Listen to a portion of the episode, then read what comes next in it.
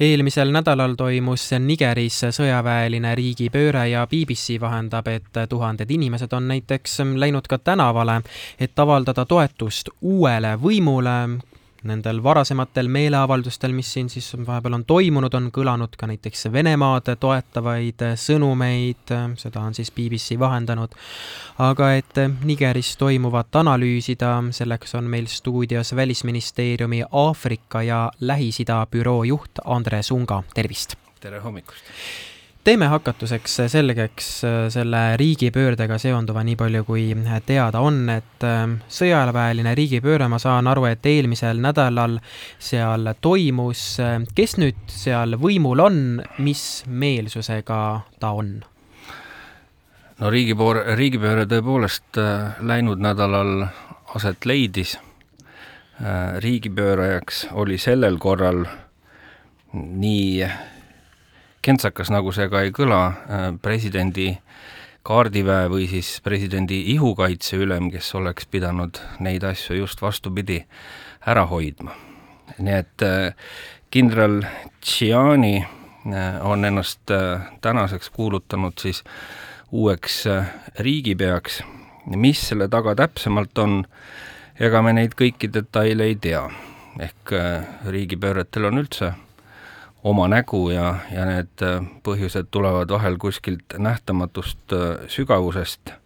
kindral Tšani väidab ise, et, äh, et ta ei olnud rahul või siis ka sõjaväeline juhtkond riigis ei olnud rahul sellega, kuidas seisti vastu riiki ründavatele džihadistidele, ehk see võitlus on, on Nigeris käinud juba pikki aastaid sealsamas äh, on kuulda ka seda, et, äh, et äh, Tšiani suhted presidendiga ei olnud ka kõige paremad ja, ja väidetavalt paar päeva ennem sedasama riigipööret olla president tõstatanud küsimuse Tšiani väljavahetamisest, nii et kui palju on siin isiklikku motiivi, kui palju midagi laiemat, ega me seda päris täpselt ei tea no see oli Nigeris ikkagi ju üsna mitmes äh, kord juba, kui äh, riiki äh, pööratakse. milline riik see Niger üldse on selline? Niger oli päris pikalt Prantsuse asumaa ehk üheksateistkümnenda sajandi lõpust, kahekümnenda sajandi algusest kuni siis tuhande üheksasaja kuuekümnenda aastani, mil Niger oma iseseisvuse saavutas esimesed paar aastakümmet äh, olid päris toredad, ehk äh, Niger teadavasti on, on üks nendest riikidest, kus on täitsa korralikud uraanivarud ja uraani hind sellel ajal äh, maailmaturul oli, oli väga soodne. kaheksakümnendatel võttis asi teistsuguse pöörde ehk äh, seesama uraani hind langes, riigi sissetulekud langesid ja, ja äh, sotsiaalpoliitiline olukord hakkas, hakkas muutuma. ja siis äh, tulid ka need rahulolematusest tekitatud riigipöörded, nii et neid tänaseks on olnud kas neli või viis aga jällegi noh, kõik põhjused ei ole ühesugused ja, ja ei ole päris klaarid, aga kahjuks Niger on tänaseks äh, üks nendest riikidest, kes ei ole mitte ainult oma piirkonnas, aga aga maailmas tervikuna kõige vaesemate nimekirjas. Milline eelmine võim seal Nigeris oli, ehk siis enne seda riigipööret, mis eelmisel nädalal toimus, et ma saan aru, et seal oli mingisugust potentsiaali isegi demokraatlikuma korra suunas liikuda?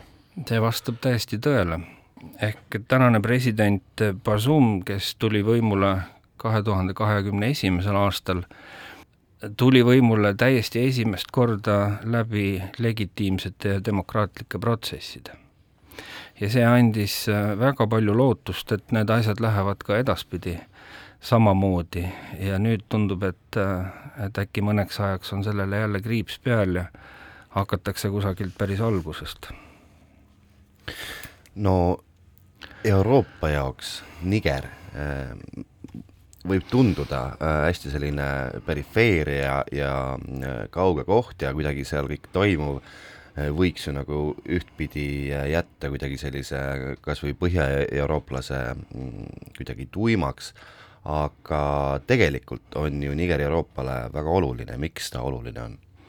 no ma ei tea, kas tänapäeval üldse miski asi saab siin kedagi enam tuimaks jätta, sest äh, maakera on ju muutunud nii väikeseks ja ja kõik meie juures toimuvad protsessid, äh, need tulevad varem või hiljem kuskil mujal maailma otsas äh, samamoodi välja. Aga noh, tõepoolest, eks neid, neid põhjuseid on päris mitmeid, kindlasti seesama äh, poliitiline äh, argument ehk äh, ma arvan, meie kõigi huvides on, et, et ka Aafrika oleks, oleks stabiilne kontinent, et riigid areneks selles suunas, kus, kus meiegi läheme.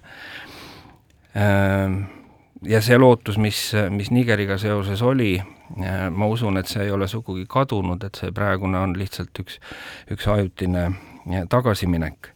strateegilises plaanis jällegi, kui me vaatame seda piirkonda tervikuna, siis äh, islami äärmuslusega võitlemine on väga oluline ja, ja Niger oli selles osas muutunud äh, omamoodi keskuseks, äh, seda nii Euroopa kui Ameerika Ühendriikide jaoks. Ja majanduslikult samamoodi, ehk kui me vaatame Nigeri maavarasid, siis need näiteks kullavarud ja needsamad uraanivarud mängivad olulist rolli maailmaturul. intervjuu alguses äh, ma mainisin, et äh, nendel meeleavaldustel, mis uut võimu toetavad, on äh, kõlanud Venemaad toetavad sõnumid, on siin-seal lehvinud ka Vene lipud. Mis mängu see Venemaa seal Nigeris mängib? no oleks hea, kui me teame seda täpselt, mis mängu Venemaa Nigeris mängib ja ja noh, paljud vaatlejad arvavad, et Venemaa äh, väga aktiivset mängu hetkel ei mängi, et see pigem on kõik kulisside tagune ja, ja tõepoolest kulisside tagune mäng kindlasti käib, sest äh, mul on väga vähe usku sellesse, et, äh, et kusagil Niamey või siis Nigeri pealinna kaupluses on olemas Vene lippude sektsioon ja kõik on just parajasti otsustanud minna sinna Vene lippe ostma, et eks keegi sõber ikkagi aitas neid kusagilt äh, tänavale tuua. ja no jällegi, kui me vaatame äh, ka naaberriike, kui me vaatame, mis on toimunud Malis või Burkina Fasos ja milline on olnud seal Wagner Grupi osalus, millised on Wagner Grupi huvid, jällegi Äh, mitte ainult sõjalised, aga ka, ka majanduslikud, ehk Wagner Grupp on teeninud väga korralikke tulusid äh, nii nafta kui kullaäris.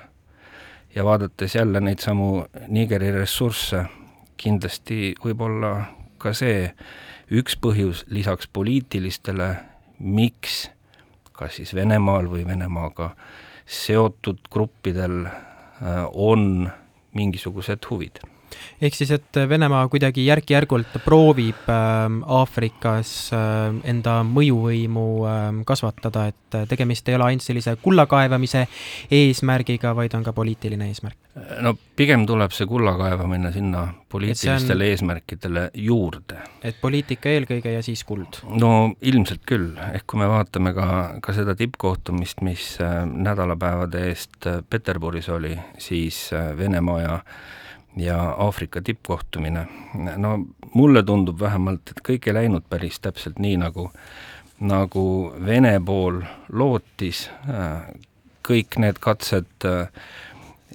Aafrika riikide liidreid heaga ära meelitada ei läinud päris nii.